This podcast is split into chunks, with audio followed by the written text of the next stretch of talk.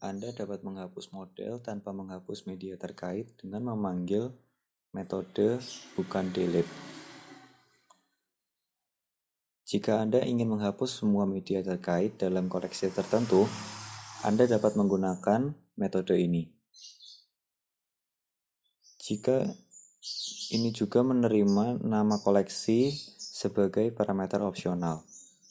Selain itu, terdapat Metode yang dapat berguna jika Anda ingin menghapus hanya sedikit atau beberapa media yang dipilih dalam suatu koleksi ini. Ini menerima nama koleksi sebagai argumen pertama dan contoh media atau kumpulan contoh media yang tidak boleh dihapus sebagai argumen kedua. Penambahan lanjutan. Mari kita jalankan beberapa cara bagus untuk menambahkan file ke perpustakaan media.